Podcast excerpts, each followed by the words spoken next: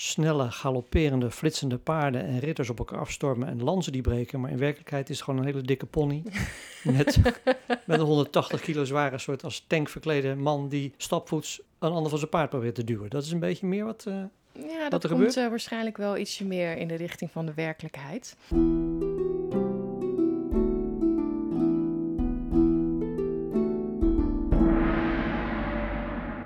Welkom bij de podcast Geschiedenis schrijven. Een tiendelige serie waarin we je meenemen naar de belangrijkste tijdperiodes uit de geschiedenis. En wij, dat zijn Willem Eekhoff en Merike Bozua. En wil je ons beter leren kennen? Luister dan naar de introductieaflevering. In deze vierde podcast van de serie hebben we het over de tijd van de steden en staten. Merike, welkom. Dankjewel. En mag ik zeggen dat je er prachtig uitziet. Ik ben blij dat je je aan de afspraak hebt gehouden.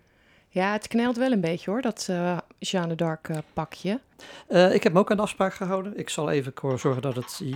Ja. en... Precies. Ik zou hem meenemen. Ik zet hem hier even op stal. En nu ben ik er klaar voor, want we gaan het hebben over onder andere over ridders. We gaan het hebben over kastelen. We gaan het hebben over een veranderende maatschappij. We zijn nu in de middeleeuwen. Dat klopt toch? Inderdaad. We pakken het op uh, in het jaar 1000. Dus uh, daar begint uh, de, het tijdvak steden en staten. die middeleeuwse maatschappij, dat was een overwegend agrarische samenleving. er waren verschillen, maar ook heel veel gemeenschappelijke kenmerken. Wat moet ik me daarbij voorstellen? Hoe die mensen op die, in, dat, in die periode met elkaar omgingen en waar ze van leefden? Ja, over het algemeen kun je zeggen dat is continuïteit hè, ten opzichte van het vorige tijdvak. Dus dat uh, het een agrarische samenleving is. De mensen wonen in vrij kleine gemeenschappen bij elkaar. En zijn wel onderdeel van een groter geheel. Maar uh, de kleinste eenheid is het eigen gezin. Nou, dat kleine gezin maakt onderdeel uit van een grotere gemeenschap. Bijvoorbeeld rond een kasteel. Die gaan in die periode langzaam ontstaan. Dus uh, in het vorige tijdvak hebben we gezien dat uh, mensen bij een sterkere boer gingen wonen, op zo'n vroonhoeve bijvoorbeeld. En dat ontwikkelt zich langzaam tot kastelen. Gebouwen die niet, meer, niet langer alleen maar van hout zijn, maar ook van steen worden. En dan krijg je kastelen. Maar als we dit tijdvak beginnen in het jaar 1000, dan is daar nog geen sprake van. Een interessant aspect vond ik dat die middeleeuwse maatschappij eigenlijk dat er drie standen waren: de adel, de geestelijkheid en het volk. Zou je die alle drie kunnen toelichten? Inderdaad, er waren echt hele grote verschillen tussen de mensen in die tijd. Dus uh, of je van adel was, uh, ja, dan had je echt, uh, de golden er voor jou andere wetten en had je andere voorrechten dan als je tot de derde stand behoorde. De derde stand, dus, dat was dan? Het volk. Oh, dus in het begin, ja. ja. Hmm. ja. In het begin van de middeleeuwen zijn dat vooral de boeren. En dan heb je dan vrije en onvrije boeren. Daar hebben we het vorige keer ook over gehad, hè, over die horigen en die lijfeigenen. Dus dat bestaat nog steeds. En uh, binnen die derde stand gaan in deze periode, daarom noemen we het de periode van uh, steden en staten, grote veranderingen plaatsvinden. Want de stad komt op en uh, er zijn dan niet langer alleen maar boeren, maar er komen ook burgers in die steden. En dat zorgt voor grote veranderingen. Maar even terug naar die adel ja, bijvoorbeeld een privilege van de adel was, zij mochten op jacht. En als het, iemand van het gewone volk ging jagen, ja, dan was hij opeens een stroper. Um, zij mochten alleen een bepaald soort kleding bijvoorbeeld dragen. Uh, gemaakt van fluweel. Dat was een voorrecht van de adel. Kon je nou als arme boer uiteindelijk ook nog een, uh, een adele, edele heer worden? Nee, dus kansloos. Alleen ja. je, uh, door geboorte dan? Ja, ja, dus het was een gesloten stand. Hmm. Uh, en er werd dus onderling uh, getrouwd en uitgehuwelijkt. En uh, daardoor, ja, dus alleen binnen die stand. En dat gaat op een gegeven moment ook wrijving geven. Dus als we rijke burgers in die steden gaan krijgen, maar dan spreken we echt al over meer het eind van de periode van steden en staten, dan krijg je hele rijke burgers in de steden. En uh, ja, die willen ook wel zo'n positie of uh, hun dochter uithuwen aan zo'n uh, edelman. Maar dat, ehm, ja, dat is niet de bedoeling. Dus ja, je bent adel van geboorte. En daar laten ze niemand in toe, in principe. Wat ik ook altijd wel een frappant voorbeeld vind, is als je Uh, bijvoorbeeld als je van adel was en je werd ter dood veroordeeld, mhm. dan uh, nou, werd die uh, doodstraf voltrokken met een nou, lekker scherp geslepen zwaard. En dan was nou, heel snel je hoofd eraf. Maar als je tot de derde stand behoorde, dan werd het een beetje met de botte bijl op oh. je nek ingehakt. Dus ook dat soort ja, best bizarre verschillen. En daar komt ook die uitdrukking vandaan met de botte bijl? Ja. Oh, bijzonder. Ja, ik weet niet of het alleen maar van dat van die rechtspraak komt. Maar mm sowieso is met een uh, bottebijl. ja, ja, maar het was, het was op alle vlakken eigenlijk wel ongelijk verdeeld. Was je een arme boer, was je de rest van je leven een arme boer. Werd je in een gespreid bedje als adel geboren, dan bleef je de rest van je leven bleef je adel. Maar met de opkomst van de stad veranderen de kansen voor iedereen. Dus dan krijg je veer, meer sociale mobiliteit. En dat mhm. gaat uiteindelijk ook tot politieke spanningen leiden. Maar dat ja, biedt wel kansen voor heel veel mensen. Maar nog even terug naar die tweede stand. Of uh, ja, misschien is dat wel de eerste stand, ja. de geestelijke. Daar kan je niet in geboren worden in principe. Want er was het celibaat. Wat is dat? Ehm, dat je niet uh, mag uh, trouwen als geestelijke. En dus ook geen kinderen krijgen. Oh, en je, je, onthoudt je van elke vleeselijke genoegens. Oké, okay. um, komen we later op terug. um, je, hebt je, je hebt je leven in feite aan God gegeven. En dat betekent dat alles wat je doet, staat in teken van. Dus je kunt niet een, een, een vrouw begeren, want alles is gerelateerd aan jouw liefde voor God. Ja, in theorie wel. In ja, de, praktijk, werd er wat afgesmoezeld. Ging het, uh, ja, ging het wel anders. Mhm. Maar je hebt uh, in die geestelijkheid een enorm groot verschil tussen uh, ja, geestelijke die ook van adellijke afkomst kunnen zijn en um, nou ja, gewoon arme monniken en nonnen bijvoorbeeld. Uh, en die geestelijke, die kunnen ook hele grote wereldlijke macht krijgen. Dus bijvoorbeeld de paus, mm -hmm. uh, die, um, uh, ja, die komt niet uit een familie van pausen, maar wel uit een adellijke familie. Dus we hadden de adel, we hadden de geestelijkheid en we hadden het, het arme volk. En die konden weinig met elkaar. meestal bleef je in de stand waarin je geboren was, behalve die, die geestelijkheid. Dus daar kon je wel in terechtkomen. Nou las ik dat de, die adel als functie had om het land en de onderdanen te verdedigen. Ja. Maar dat lieten ze wel uitvoeren door een paar hele handige gepantserde jongens, de ridders. Ja. Maar dat weet je ook niet als geboren. Eh, dat weet je, werd ook niet als ridder geboren, toch? Nee, nee, maar je kon wel alleen ridder worden als je van adel was. Dus ook al was je nog zo'n uh, sterke jongen uit de derde stand, dan kon je nooit echt een ridder worden. Dus die ridderstand, dat, wordt, dat is ook een gesloten stand. Dus alleen adellijke jongens kunnen ridder worden. Ja. Dus, dus als jij een een, een stevige boerenzoon bent met ambities en je denkt van ik wil ook jonkvrouwen gaan verdedigen, kansloos. Ja, dan kan je wel als soldaat. Je kunt zelfs verplicht worden om met jouw heer hè, mhm. in dat feodaal stelsel mee te gaan om, voor, om te vechten. Maar dan ben je geen ridder. En een, ja, een uitrusting, een wapenrusting, vooral dat uh, mooie paard wat jij uh, nu ook uh, bij je hebt, dat was echt ontzettend duur. Dus dat, dat, was ook niet, dat kon ook niet iedereen zich veroorloven. Dat is wel een van mijn favoriete onderwerpen, ridders. Dus leuk mhm. dat we het daar nu over kunnen hebben. Uh, een ridder moest natuurlijk trouw zijn aan zijn heer. Wat werd er dan meer van hem verwacht? Wat moest hij nou eigenlijk allemaal? Ja, trouw zijn aan zijn heer. En hij kon zelf ook weer een heer zijn, hè? dus in dat, in dat leenstelsel. En uh, ja, en hij streed ook voor het christendom. Dus allemaal ter eer en meerdere glorie van het christelijk geloof. Okay. En het verdedigen van de zwakken. Dus hè, wat wij nu nog steeds ook ridderlijk noemen, dat komt daar ook vandaan. Dus uh, weduwe, wezen, dus daar, uh, ja, die, daar diende hij het voor op te nemen. Oké, nu kwam ik ook uh, een roofridder tegen. Dat klinkt dan weer minder netjes.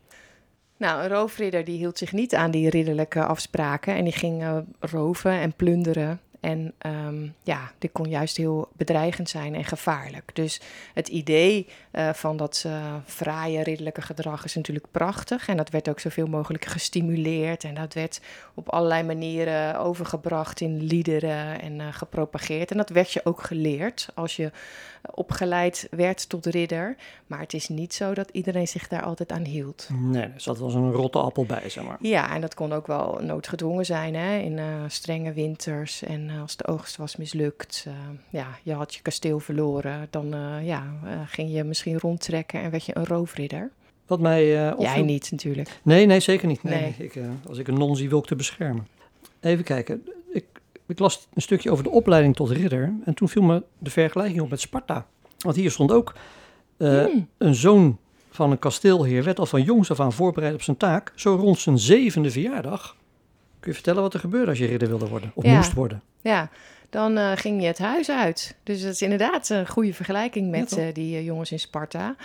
maar je ging dan op een ander kasteel wonen. Dus een bevriende familie of andere, nou ja, adellijk iemand. Dus het was een systeem. De ene ridder leidt de andere ridder op. En je ging dan dus uit huis en je leerde bijvoorbeeld uh, paardrijden, alvast uh, gevechtstechnieken. Maar je kreeg dus ook les in, uh, nou ja, hoe hoor je te gedragen, dus de tafelmanieren. Je moest ook um, leren welk wapen bij welke andere ridder hoorde. dus heel die heraldiek moest je kennen. Je was er ook niet gelijk ridder? Je, werd, nee, je was nee, nee. Een soort, dus soort schandknaap of zo? Ja, nou, je was eerst page. Dus als je zeven was, dan noemen we dan page.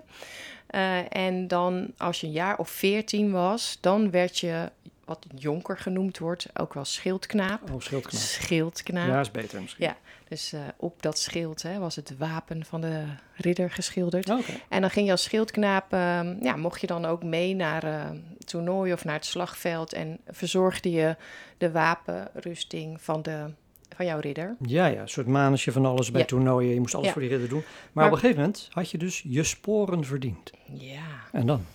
Dat betekent uh, dat je uh, waardig werd geacht om ridder te mogen worden. En dan um, um, werd je door een andere ridder tot ridder geslagen. Dus, um, Hoe ging dat?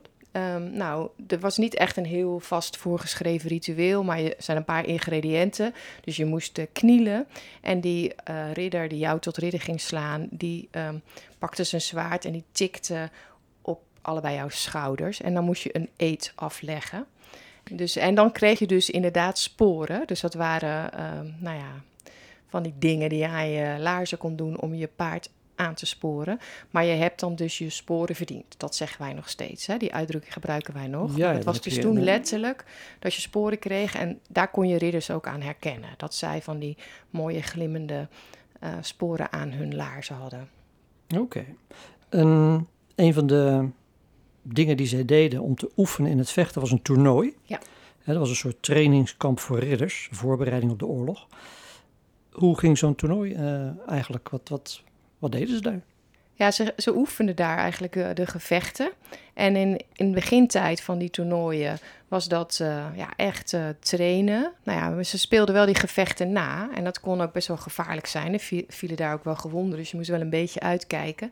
Maar in de loop van de tijd ontwikkelt zich dat tot hele grootse ja, festivals en prestige wat gepaard gaat met veel publiek en um, nou, elkaar loef afsteken. Maar tegelijkertijd is het nog steeds om je scherp te houden voor de echte gevechten. Dus er waren een soort schijngevechten. Uh, en je, er zijn allerlei varianten, maar de meest bekende is uh, dus een barrière in het midden. Uh, en aan het uiteinde daarvan stellen twee ridders zich op, ieder aan een kant daarvan. En dan gaan ze, draven ze op elkaar af met hun paarden. En het idee is dan om de ander uit het zadel te stoten. En dan aan het eind um, draai je om om zo snel mogelijk weer die ander aan te vallen. En dat draaien is tourner in het Frans, dus daar komt waarschijnlijk het woord toernooi vandaan. Oh, Oké. Nou, begrijp ik dat met zo'n hele grote lans op elkaar afrijden en dan proberen elkaar uit het, uh, uit het zadel te stoten. Maar die, die ridder die had wel een aantal voorbereidingen getroffen om zijn, zijn lichaam te beschermen. Ja. Wat, wat, wat deed hij dan? Nou, hij had een harnas aan. Dat bedoel je, denk ik, hè? Ja, ja. En dat is ook niet... dus dat is ook precies waarom het zo raar is dat we die periode van 500 tot 1000 de tijd van monniken en ridders noemen. Mhm. Mm -hmm. Omdat er waren toen nog geen ridders in harnassen. Maar in die tijd, dus zo rond het jaar 1000, had een ridder een maliënkolder aan. Een soort jurk van ijzeren ringetjes. Die ook wel nou, scherpe wapensteken kon uh, tegenhouden. En pas uh, in de loop van de uh, nou, 11e eeuw, 12e eeuw, ontwikkelt het harnas zich. En dat wordt steeds uitgebreider. Tot op het laatst, zeg zo rond het jaar 1450, een ridder een soort lopende tank is. Die, Mhm. of nou, hij loopt eigenlijk niet, hij zit op zijn paard. Hij wordt op zijn paard getild uh, over het paard getild. Oh, oh, als het misgaat, ben je over het paard getild. Hoe werd hij op zijn paard getild dan? Want hij, hij moet, dat kan niet licht geweest zijn, zo'n Nee, nee, dus echt met een takel en met behulp van die schildknapen. En als er ook daadwerkelijk op het slagveld wordt gevochten, dan is het ook, uh, ja, als die, als die ridder dus op zijn paard zit uh, en die, uh, die paarden gaan op elkaar af, hè, die, die, die twee elkaar bestrijdende partijen die, dan um, gaat dat niet al te hard. Dus in de film zien we vaak uh, dat ze mm -hmm. ja, van die galopperende paarden keihard op elkaar af. Maar dat kan helemaal niet. Want die, uh, zo'n ridder is gewoon veel te zwaar daarvoor. Dus het waren ook wat stevigere, kleinere paarden die dat gewicht uh, konden dragen. Dus ik moet, ik moet eigenlijk heel dat beeld bijstellen. Want ik, zag dus, ik zie dus van die films met van die snelle, galopperende, flitsende paarden en ritters op elkaar afstormen en lanzen die breken. Maar in werkelijkheid is het gewoon een hele dikke pony met, met een 180 kilo zware soort als tank verklede man die stapvoets een ander van zijn paard probeert te duwen. Dat is een beetje meer wat, uh, ja, dat komt uh, waarschijnlijk wel ietsje meer in de richting van de werkelijkheid. Ja, sorry. Oké. En als we kijken naar de, de, de woonplek van de ridder, het kasteel, heeft het ook weer een herkomst van hiervoor, zeg maar? Ja, castellum. Dus dat, uh, kunnen we weer terugleiden tot het Latijn van de Romeinen. Een verdedigingswerk. Oké, en hebben, al die, hebben die kastelen er altijd zo uitgezien zoals we dat nu kennen? Van, hè, met die stenen muren en die kantelen en torens? Of heeft dat ook een ontwikkeling doorgemaakt? Ja, dat heeft ook een ontwikkeling doorgemaakt. En dat uh, ontstaat al in de vroege middeleeuwen als er grote politieke instabiliteit is. Dus dat mensen bij elkaar gaan uh, zitten om zich veilig te voelen. Dus krijg je eerst versterkte boerderijen. Uh, die, daar worden bijvoorbeeld van palen omheiningen omheen gemaakt. En dat wordt steeds verder uitgebreid. Dus degene die het sterkst is, het rijkst is. niet in de zin van geld, maar in de zin van bezit. Die verstevigt zijn boerderij. En die beschermt daarmee de boeren in de omgeving. Hè? Dus uh, weer zo'n begin van het ontstaan van het uh, vroonhoevenstelsel mm -hmm. en het feodaalstelsel. Dan moet die eigenaar natuurlijk wel voor zorgen dat hij die mensen um, in zijn omgeving ook echt beschermt. En dan gaat hij ervoor zorgen dat hij steeds betere verdedigingswerken bouwt. Dus houten palissades, maar bijvoorbeeld ook om te zorgen dat hij op een verhoging bouwt. En dan uh, ontstaat de ontwikkeling dat er een soort houten gevechtstorens komen. Um, een woontoren, uh, ook wel een donjon genoemd. En uh, met allemaal houten huizen eromheen. Dus mensen komen daarbij wonen binnen die omheining, die palissades. Ja. Wordt er al een, een gracht bijvoorbeeld omheen gebouwd? Ja, in, uh, in Nederland is dat uh, heel handig. Dus het ligt natuurlijk heel erg aan het landschap, welke plek ze kiezen. En ja, dus er kan een gracht omheen komen. En die wo woontoren, die, wordt, ja, die is natuurlijk heel kwetsbaar voor brand. En die wordt dan van steen gebouwd. En in het, wat nu Nederland is, gebeurt dat een stuk later dan bijvoorbeeld in het huidige Frankrijk. We hebben ook niet zo heel veel natuursteen, dus dat is nog een heel gedoe. Heel kostbaar om zo'n toren van steen te maken. Dus dat wordt dan gebouwd van bijvoorbeeld tufsteen, wat uit de Eifel komt. En uh, dan op een gegeven moment uh, ja, wordt men vaardig in zelf stenen bakken, wat de Romeinen ook al konden. Hier in het rivierengebied heb je veel uh, klei, dus daar kun je mooie bakstenen van maken. En dan in de loop van de tijd eh, worden de kastelen, dus eerst die torens en dan de kastelen van baksteen opgetrokken. Maar dat is echt pas nou, zo rond het jaar 1250. Dus ridder, kasteel, uh, ja, 1250 pas. Dus heel veel van wat wij nu kennen en zien klopt eigenlijk niet helemaal met het plaatje. Nee, en het komt ook wel omdat het in Nederland wat langzamer was dan uh, op andere plekken. Dus daar heeft het ook wel mee te maken. Oké. Okay. Zo'n kasteel was op een bepaalde manier gebouwd. Je had het net over kantelen. Uh, we hebben een gracht, een loopbrug. Wat waren nou de verdedigingsmechanismes van zo'n kasteel? Wat was er nou zo handig aan dan?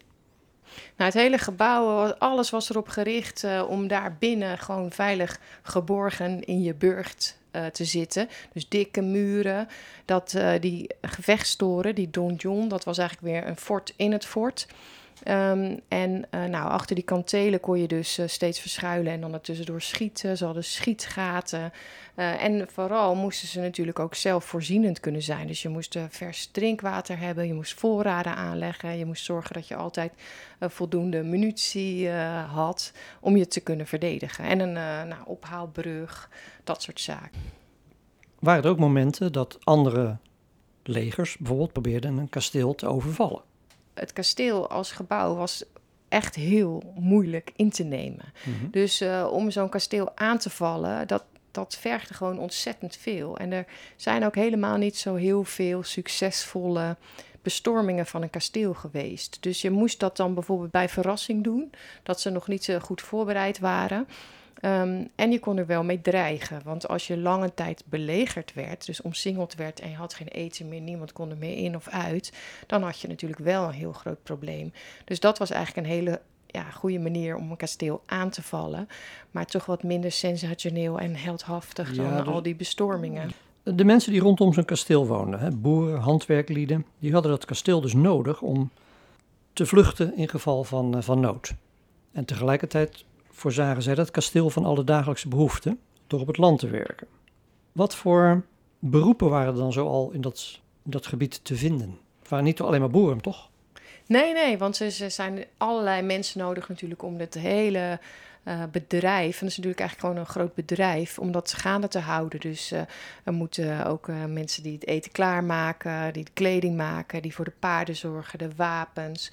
Dus er zijn een timmerlieden, ja, van alles. Dus verzin maar wat je nodig hebt om een gemeenschap te laten draaien. En het was er. Dus je, was ook, binnen je, kasteel... kappers, bakkers, dat soort? Ja, ja? ja, ja, dus de bakkers, de, de, de barbier, de kapper.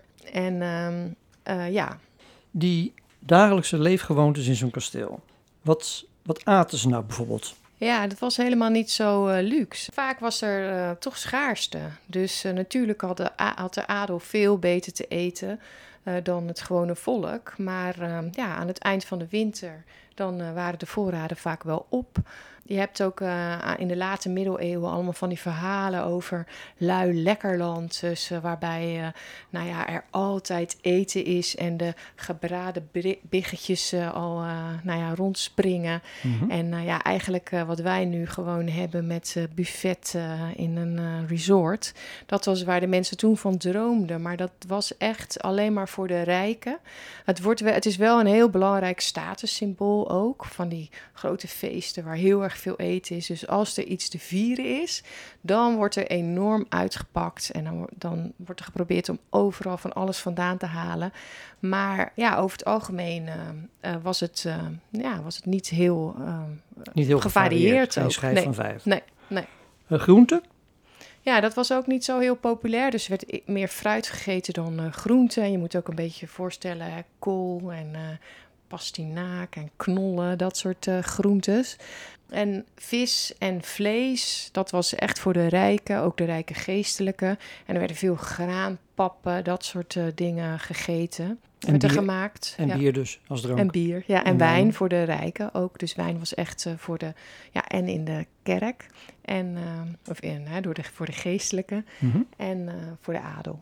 Oké, okay. ik kwam ergens tegen dat ze een wat apart tafelmanieren hadden. En aparte borden. Ja, was voor in, uh, in onze perspectief is dat natuurlijk heel apart. Maar zij vonden dat toen uh, natuurlijk keurig uh, volgens de regels. Maar ze hadden inderdaad geen borden zoals wij die nu kennen. Maar het was een, een, schijf brood. Dat was eigenlijk je bord.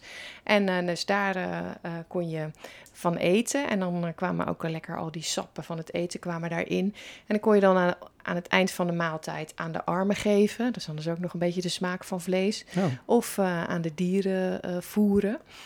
Hadden ze een vork, dat soort dingen netjes? Uh, nee, ze aten met hun handen.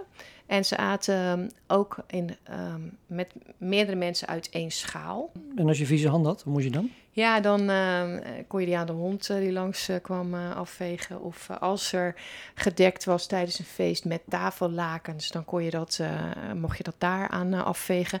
Maar niet je neus erin snuiten. Dus dat, dat werd dan niet netjes gevonden. Dus ze vonden ook dat ze zich aan regels hielden. Alleen volgens onze normen zijn voor, voor nu, heel Als je nu je handen aan de hond afveegt, dan ja. krijg je... Ja. Nee, precies. Ja. is niet goed. kasteelheren, arbeiders, ridders, iedereen die we net besproken hebben, die waren in ieder geval christelijk in die tijd. Invloed van de kerk was denk ik groot. Hoe, hoe heeft zich dat ontwikkeld? Waar zie je dat allemaal aan? Nou, er waren naast dus dat er kastelen werden gebouwd, kwam er in een kasteel altijd een kapel. En er worden steeds meer kloosters gebouwd en er wordt steeds meer aandacht besteed om hele mooie kerken te bouwen. En de gewone mensen die vieren heel veel christelijke feestdagen. Zo'n reden om lekker te eten, vrij te hebben ook. En ze gaan bijvoorbeeld ook op pelgrimstocht. Dus een beetje toerisme van, de, van die tijd. Dat moet je even uitleggen. Ja. Pelgrimstocht, wat is dat? Ja, dus je kon... Um, dat deden ze om verschillende redenen. Bijvoorbeeld om boete te doen. Of omdat ze zelf ziek waren of een familielid was ziek. En dan hoopten ze als je naar een heilige plek ging, dus naar een pelgrimsoord, dat je gebed dan beter werd verhoord. Mhm. Dus mensen ondernamen een pelgrimstocht of een bedevaart, zoals we dat ook wel noemen, naar een ehm, plek die belangrijk was voor hun geloof. Ze kennen allemaal, denk ik, Mekka, heel belangrijk uh, voor moslims. Maar voor uh, christenen was bijvoorbeeld Jeruzalem een belangrijke bedevaartsplaats. Of Rome of Santiago de Compostela. Maar je had ook gewoon veel dichterbij um, je eigen woonplaats. Dus voor wat meer gewone mensen had je ook heilige plekken. Dus waarvan bijvoorbeeld verteld werd dat Willibrord er was geweest of dat Maria er was verschenen. Waar je naartoe kon om uh, ja, je gebed te doen. Maar het liefst uh, de meeste status had als je echt heel ver wegging. Ik ga nu voor de dertiende keer naar Lourdes. Het is me goed dat ik niet bijgelovig ben. Ja, en het was voor een plek ook heel belangrijk als zij een, uh, uh, zo'n heilige plaats hadden. Dus bijvoorbeeld een stad als Amsterdam, dat, uh, daar was een wonder gebeurd met een hostie. en dat betekende dat er dan pelgrims naar je stad kwamen. En dat was natuurlijk gewoon business. Dus die moesten ergens slapen, die gingen eten. Dus het is, een, ja, het is echt een begin van toerisme. Oké. Ja. Um, ik kom ook de term kruistochten tegen, maar dat is iets heel anders als een pelgrimstocht, neem ik aan. Iets heel anders, ja. Dus zo'n zo'n bedevaartstocht moet je dus een beetje voorstellen, hè? vrome gelovigen die dat uh, ondernemen. Een kruistocht, dat is dus echt een, dan zijn ze op oorlogspad. In uh, eh, 1095 dan roept uh, paus Urbanus op tot een kruistocht. Want um, er worden, gaan verhalen dat de pelgrims die naar bijvoorbeeld Jeruzalem gaan, steeds meer worden lastiggevallen, worden overvallen, worden gedood door de moslims. En uh, daar moet tegen opgetreden worden. En hij houdt daar een vurig pleidooi voor. Uh, waarschijnlijk heeft hij ook een verborgen agenda dat het hem wel prettig lijkt als uh, alle machtige adellijke mannen is een beetje uh, uit de buurt zijn. En uh, ja, dan worden er een aantal kruistochten ondernomen. En hiervan hebben we ook vaak het idee, er zijn honderden kruistochten geweest, uh, eeuwenlang. Maar er zijn er totaal slechts zeven grote kruistochten geweest en een paar kleintjes. Dus helemaal niet zoveel. Uh, de eerste serieuze kruistocht, uh, die uh, kwam in 1099 kwamen zij aan in Jeruzalem. Nadat ze drie jaar onderweg waren geweest onder leiding van Godfried van Bouillon. en dan met zeer veel moeite uh, lukt het ze om uh, Jeruzalem binnen te vallen. Nou, dan uh, gedragen zij zich niet bepaald als christelijke ridders, want dan gaan zij verschrikkelijk tekeer en ze moorden en plunderen en roven en verkrachten. maar dan hebben ze wel Jeruzalem veroverd. Maar ja, daar zit je dan met een aantal ridders uit Europa en dat kun je natuurlijk helemaal niet volhouden om dat in bezit te hebben. Dus daarom komen er meerdere keren kruistochten.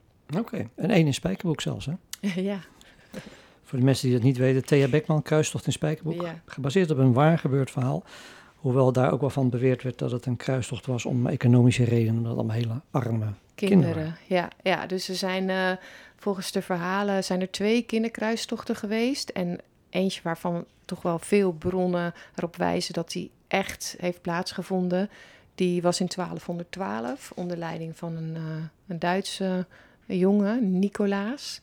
Uh, die uh, volgens mij ook in uh, Kruistocht in Spijkerbroek van Thea Beckman voorkomt. Mm -hmm. En dus zij heeft ook dat boek daarop gebaseerd. Prachtig boek.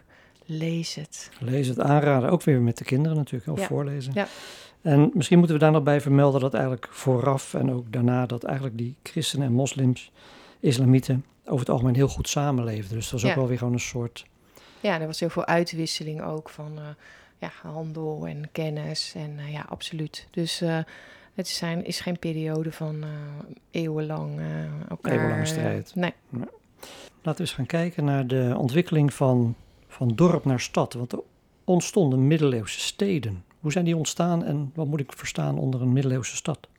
die zijn overal op een andere manier ontstaan. Dus je hebt plekken waar een stad is ontstaan rond waar al een kasteel was, of waar een, al een ja, kerkelijk centrum, een belangrijk klooster bijvoorbeeld was, of waar een stad was geweest in de Romeinse tijd.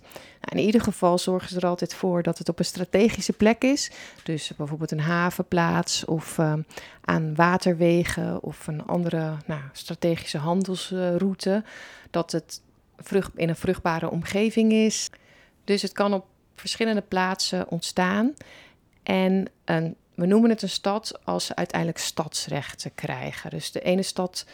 Dus nu noemen we een plaats een stad, vooral als het heel groot is. Hè? En toen was het als het stadsrechten had. Dus, uh, en sowieso de eerste middeleeuwse steden in wat nu Nederland is, die waren eigenlijk, die hadden heel weinig inwoners. En van die steden die toen ontstaan zijn, zijn er nog voorbeelden van? Bestaan die nog steeds? De eerste steden uh, zijn bijvoorbeeld Tiel, Middelburg, Kampen.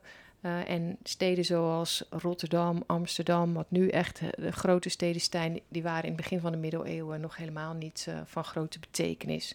Dus de, het zwaartepunt van de economie en het ontstaan van de eerste steden is meer in het oosten van wat nu Nederland is, langs de IJssel. En zij gaan zich zo goed organiseren, die steden, in een economisch handelsverbond. En dat noemen we de Hanze. En daarmee zijn we dan bij het eerste kanon-item oh. van, deze, uh, van dit hoofdstuk. Wat dan? Uh, de Hanze. En dat was een, dus een economisch verbond. Die steden kregen ook een eigen bestuur. Je komt termen tegen als uh, schout, schepenen, burgemeester. Hoe heeft zich dat ontwikkeld? Ja, zij zijn um, dus in dat feodaal stelsel krijgen zij ook die stadsrechten namelijk die ze krijgen. Die krijgen ze van uh, bijvoorbeeld de graaf in een gebied. Dus bijvoorbeeld uh, de graaf van Holland of de hertog van Brabant. Die verleent zo'n stad de stadsrechten. En per stad verschilt dat. Dus het is niet centraal dat elke stad dezelfde rechten heeft. Um, en die geeft ze ook het recht op eigen rechtspraak. Uh, en dat wordt uitgevoerd door de stad zelf, dus door de schout en de schepenen. Dus wat we nu eigenlijk een beetje burgemeester en wethouders noemen. Maar ze hebben wel een beetje andere positie. En er is ook nog geen scheiding van de machten, dus zij uh, mogen ook recht spreken. Um. En, dan, en dan brokkelt ook dat feodaal stelsel eigenlijk heel langzaam af. Want uh, die ridders die dus vochten voor de landsheer, die, uh, die deden dat. Hè? Die stonden hem bij met raad en daad. Maar nu heeft de vorst, de koning bijvoorbeeld, die krijgt gewoon geld van die belasting uit die steden. En daar kan hij veel vrijer zelf over beschikken. Dus is hij minder afhankelijk van die adel. Dus daar uh, veranderen dan ook allerlei zaken in de politiek. Langzaam en langzaam. Ja, ja, we spreken het nu eventjes in een uur, maar het duurt natuurlijk heel lang. Ja. Uh, gilden, de steden kwamen gilden. Kun je daar iets over vertellen wat dat precies is? Ja, dat is heel kenmerkend voor middeleeuwse steden. Dus uh, beroep groepen die verenigen zich in een gilde en die helpen elkaar. Dus gilde komt van gelden, dus eigenlijk dat ze een fonds hadden voor in geval van nood dat ze elkaar konden helpen of bij het overlijden van iemand dat er dat de begrafenis werd geregeld, dat er dan gezorgd werd voor de weduwe uh, overgebleven uh, kinderen. En dat uh, ontwikkelt zich ook geleidelijk tot een hele grote politieke machtsfactor. Maar de basis is economisch. Dus het zijn het zijn alle bakkers bij elkaar. Die zitten in het bakkersgilde. Alle zadelmakers. Uh, die zitten allemaal samen in de Zadelstraat. En die zijn het gilde van de zadelmakers. En het zijn allemaal nou, kleine clubjes die nou, hetzelfde min of meer produceren. Ze delen een kapel in de kerk. Ze hebben gezamenlijke feesten. En ze bepalen ook met elkaar de prijs. Dus ze concurreren elkaar niet, maar ze maken juist prijsafspraken. Okay. En ze controleren ook de kwaliteit van de producten. Dus als jij stiekem uh, toch uh, meer water bij de wijn hebt gedaan dan is afgesproken, dan uh, word, je te, op te, eh, word je daarvoor gewezen door jouw mede-gildegenoten. En dan kan je ook gestraft worden. Politiek. Misschien kunnen we het daar even over hebben. We hebben economische ontwikkeling besproken, het federaal stelsel politiek gezien is er ook heel veel veranderd. De politiek van de lage landen. Wat zijn de belangrijkste politieke veranderingen nou in deze periode? Je moet je voorstellen, dat is dus nog steeds dat feodaal stelsel. Dus die Duitse keizers die zitten eigenlijk heel ver weg. Uh, en af en toe reizen ze rond, net zoals Karel de Grote dat ook had gedaan. Uh, om te zorgen dat ze ja, hier een beetje uh, overzicht, dat, om ervoor te zorgen dat ze hier hun gezag blijven uitoefenen.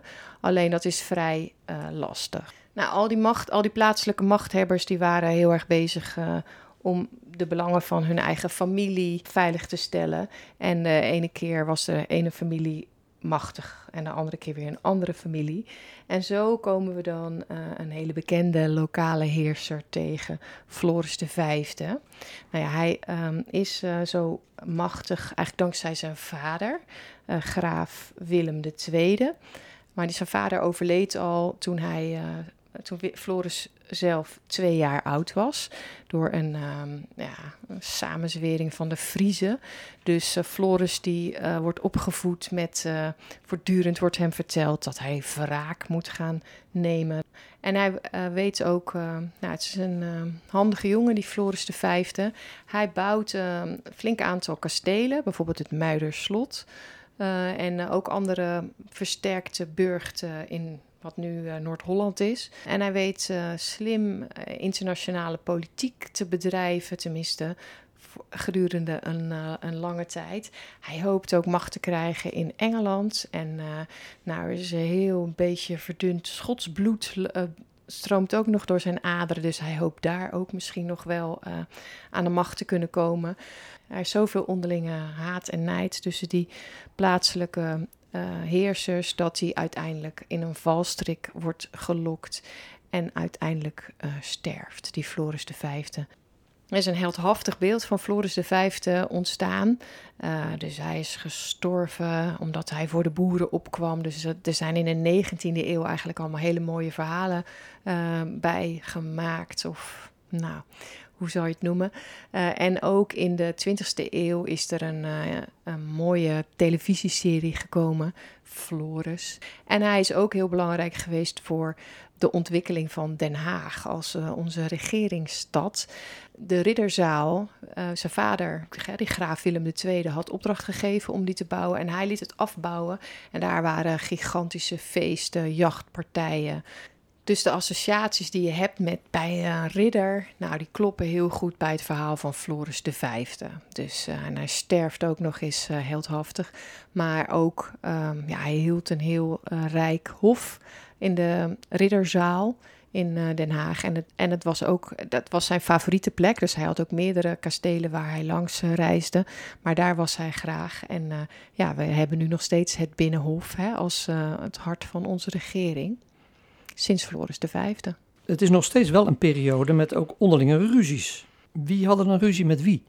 Ja, dat is tamelijk uh, complex. Uh, de Hoekse en de Kabeljauwse twisten bijvoorbeeld. Uh, die eh, zijn, gaan een beetje tussen de steden en adel, maar dan op sommige plekken toch ook weer niet. Dus het is allemaal tamelijk complex, maar er is enorm veel strijd inderdaad om de macht, om bezit, om uh, privileges. En dat blijft eigenlijk uh, heel erg lang uh, zo doorgaan. En pas in de tijd dat de Bourgondiërs komen, dan komt daar enige rust. Bourgondiërs? Ja, dat was een belangrijke adellijke familie aan het Franse Hof die uh, door allerlei uh, slimme acties zich tot een belangrijke machtsfactor wisten te ontwikkelen en uh, zich tegen het Franse Hof keerden. En soms werkten ze weer met ze samen, dus ook allemaal enorm veel strijd, moord, doodslag, huwelijkspolitiek, verraad. Nou, prachtige verhalen. Maar uiteindelijk weten die uh, Bourgondiërs dus hier aan de macht te komen. Dus uh, vanuit Frankrijk de macht steeds verder naar het noorden uit te breiden. Eigenlijk een beetje dat gebied van die, dat middenrijk van die uh. Hè, dus als we nog heel ver terugkijken naar die tijd van Karel de Grote. Dat uh, hebben zij ook in hun bezit. En als uiteindelijk een van die telgen van die Bourgondiërs trouwt met de dochter van de graaf van Vlaanderen, dan komen ze dus, krijgen ze dus ook de macht in Vlaanderen. Nou, dan uiteindelijk uh, weet Jacoba van Beieren, die is dan weer uh, gravin van Holland onder andere, ze nog een tijd tegen te houden. Maar uiteindelijk zijn die Bourgondiërs enorm succesvol en worden de lage landen onderdeel van het Bourgondische Rijk. Uiteindelijk wist Philips de Goede een soort overeenkomst te sluiten met Jacoba van Beieren. En dat werd genoemd de Zoen van Delft. Ja, overeenkomst klinkt wel heel vriendelijk. Mhm. Maar uh, ja, zij wordt echt wel gewoon verslagen. Uh, en die verzoening, inderdaad, de Zoen van Delft in uh, 1433, dan wordt, haar, ja, wordt zij eigenlijk aan banden gelegd. Mag zij ook niet meer trouwen. En dan hebben die Bourgondiërs, dus Holland, Zeeland en Henegouwen, ook in hun bezit. En uh, zijn ook allemaal echt prachtige verhalen. En ook leuk dat het dan ook eens een keer zo'n uh, powervrouw is. Die uh, Jacoba van Beieren, die toch vrij lang weerstand weet te bieden tegen die Bourgondiërs. Maar uiteindelijk delft zij het onderspit. En ehm, krijgen we dus met die Bourgondische machthebbers te maken. Die Philips de Goede die wordt uiteindelijk wel gezien als de grondlegger van de Nederlandse eenheidsstaat. Wat heeft hij gedaan dan? Klopt, ja. Hij is ook de grondlegger van de Staten-Generaal. Dat begint eigenlijk uh, omdat uh, zo'n uh, leider natuurlijk geld nodig heeft. En hij roept dan allemaal vertegenwoordigers van zijn hele gebied bij elkaar in Brugge. En er bestond nog geen systeem van vaste belastingen. En de hertog van Burgondië, die vraagt dan om geld. Ehm, en met elkaar beslissen ze dan eh, waar dat geld aan uitgegeven wordt. En dat doen ze met z'n allen, dus uh, generaal. En het zijn vertegenwoordigers uit verschillende gebieden, dus de verschillende staten, dus de staten-generaal. In 1467 overleed onze succesvolle Bourgondische ja, Philips de Goede. De grondlegger van het Nederlandse parlement eigenlijk. Hè? En what's in a name? Hij werd opgevolgd door? Karel de Stoute. Maar dat is omdat hij dapper is. Hè? Oh, stout is dapper. Ja, oh, ja, ja, ja. Karel de Stout uh, is niet de geschiedenis ingegaan als een uh, hele handige diplomatieke leider. Hij ging uh, overal nogal doldriest op af en voerde veel oorlogen. En dat wordt hem al na tien jaar regeren noodlottig. En hij sterft in de slag bij Nancy. En hij eindigt hij als een ja, vastgevroren lijk. Dus uh, ja, een stuk minder gepresteerd dan zijn vader, Philips de Goede. Karel de Stoute overleed dus uh, al heel vroeg, na tien jaar regeren en onverwacht. En zijn dochter is dan nog maar 19.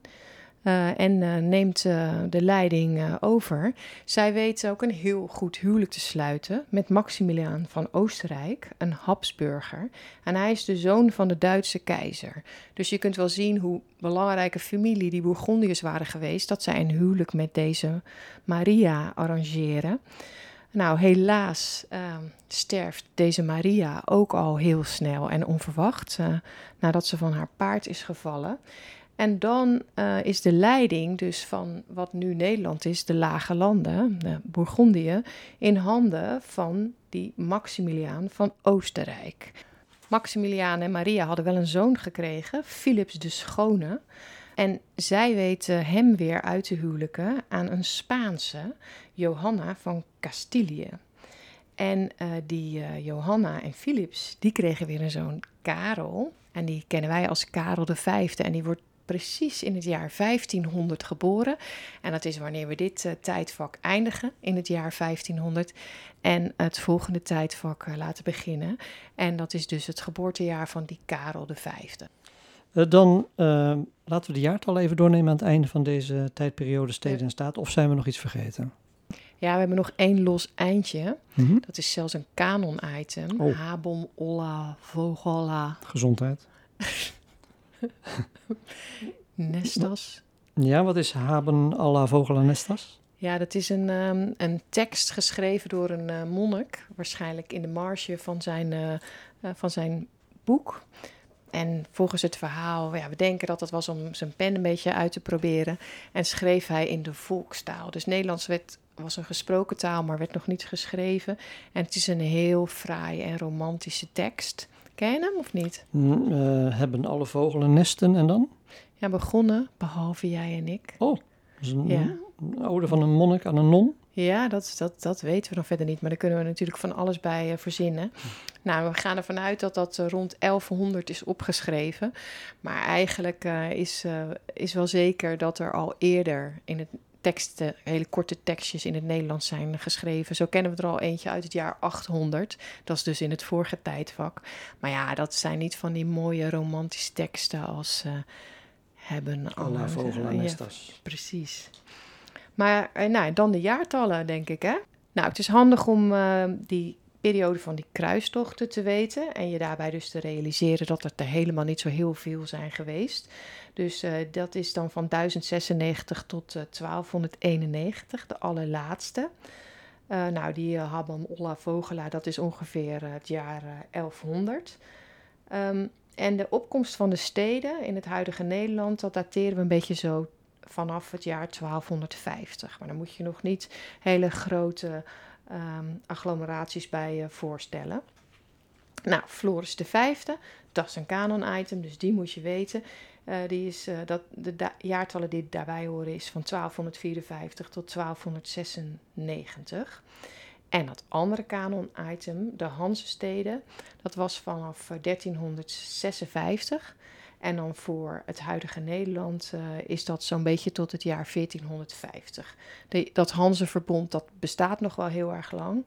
Maar dan zijn die uh, Nederlandse steden niet meer van grote betekenis. Dus uh, Kampen, Zwolle, al die steden, Zutphen. maar dan worden de steden in Holland belangrijker. Dus Leiden, Rotterdam, um, Dordrecht, Amsterdam. Nou, dan Philips de Goede. Doordat uh, Philips de Goede dus uh, Jacob van Beieren heeft verslagen, wordt vanaf 1428 uh, ehm, worden de Lage Landen onderdeel van het Bourgondische Rijk. Nou, dan hebben we daarna dus nog die Karel de Stoute, opgevolgd door Maria van Bourgondië. En dan ehm, neemt Maximiliaan de regering tijdelijk waar. En dan vanaf uh, 1494 zwaait Philips de Schone hier de scepter. Maar we pakken het in het volgende, de eh, volgende podcast weer op in het jaar 1500 als Karel V wordt geboren. Karel V. Dan gaan we nu kijken naar hoe gaan we dit nu vertalen naar de kinderen toe. Hè? We hebben natuurlijk uh, we hebben ridders, we hebben kastelen en we hebben gildes. Er zijn ook een heleboel leuke uh, lesvoorbeelden te bedenken. Um, bijvoorbeeld een, een belegering naspelen. Hè? Alsof je een kasteel aanvalt. Ja.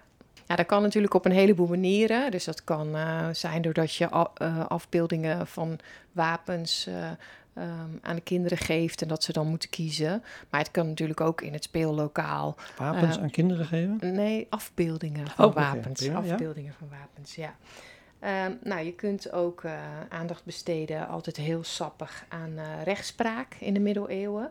Dus dat was, uh, ja, er waren lijfstraffen, mensen, werden mensen gebrandmerkt, je werd aan de schandpaal genageld en dan kon iedereen je uitkomen schelden. nou, um, hè, en het martelen van mensen, dat was ook een beetje vermaak. Daar kwamen allemaal mensen naar kijken. Dus je kunt allerlei aspecten van het leven in de middeleeuwse stad uh, natuurlijk, uh, daar kun je gewoon over vertellen. Uh, nou, met een behulp van een kaart van een middeleeuwse stad in de buurt, die de kinderen kennen, kun je gaan kijken. Nou, straatnamen verwijzen naar de... Naar de gildes? Naar de gildes, ja. ja. Zo'n zo'n ridderschild namaken, dat leek me heel erg leuk. Hè? Ja. ja. Je, je, eigen familiewapen daar bijvoorbeeld in inzetten. Ja, en dat kan ook voor wapens van gildes. Dus uh, niet alleen van je eigen familie, maar ook, uh, nou ja, hoe kan je herkennen dat ergens de bakker uh, zat? Want ze hadden geen straatnamen, maar door uithangborden hingen er overal in de stad. Dus die, die zou je ook kunnen laten maken.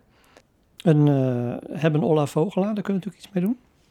Dat is een soort liefdesverklaring. Ja, precies. Uh, rond Valentijnsdag, maar ook op andere momenten kinderen ook uh, dat soort gedichten laten schrijven. Oké. Ja. Maar ik zit nu toch in mijn ridderpak. Ik heb er ook een voor jou, als Dark. Uh, zou ik een brandend kasteel weer ingaan als jij daar gevangen zat? Zou ik voor jou in vuur en vlam staan? Ja, natuurlijk deed ik dat. Oeh. Graag gedaan. glas in lood kom ik tegen. Ja, de verwijzing naar uh, de kunst in de kerken en de uh, kathedralen, de kloosters. Dus dat kun je inderdaad uh, namaken. Um, en ja, sowieso al die ambachten die er waren. Dus botten bakken, nou, leer bewerken, al dat soort zaken. Ja, kun je natuurlijk ehm, ja, na, zo proberen met recepten of ehm, methodieken van die tijd ook te maken. En natuurlijk zoveel mogelijk spannende verhalen over ridders, maar een beetje in de gaten houden dat het romantische beeld niet helemaal klopt. We zijn. Hm? Jammer. Ja, het is wel jammer, maar goed. We zijn aan het eind gekomen van dit tijdperk, steden en staten. Wat gaan we hierna doen? dan zijn we dus in het jaar 1500. En dan hebben we een kortere tijdspanne, namelijk van 1500 tot 1600.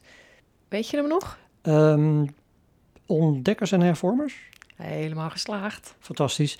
Uh, ik stel voor dat we er vandoor gaan. Wil je achterop? Graag. Dan zou ik zeggen tot uh, de volgende podcast.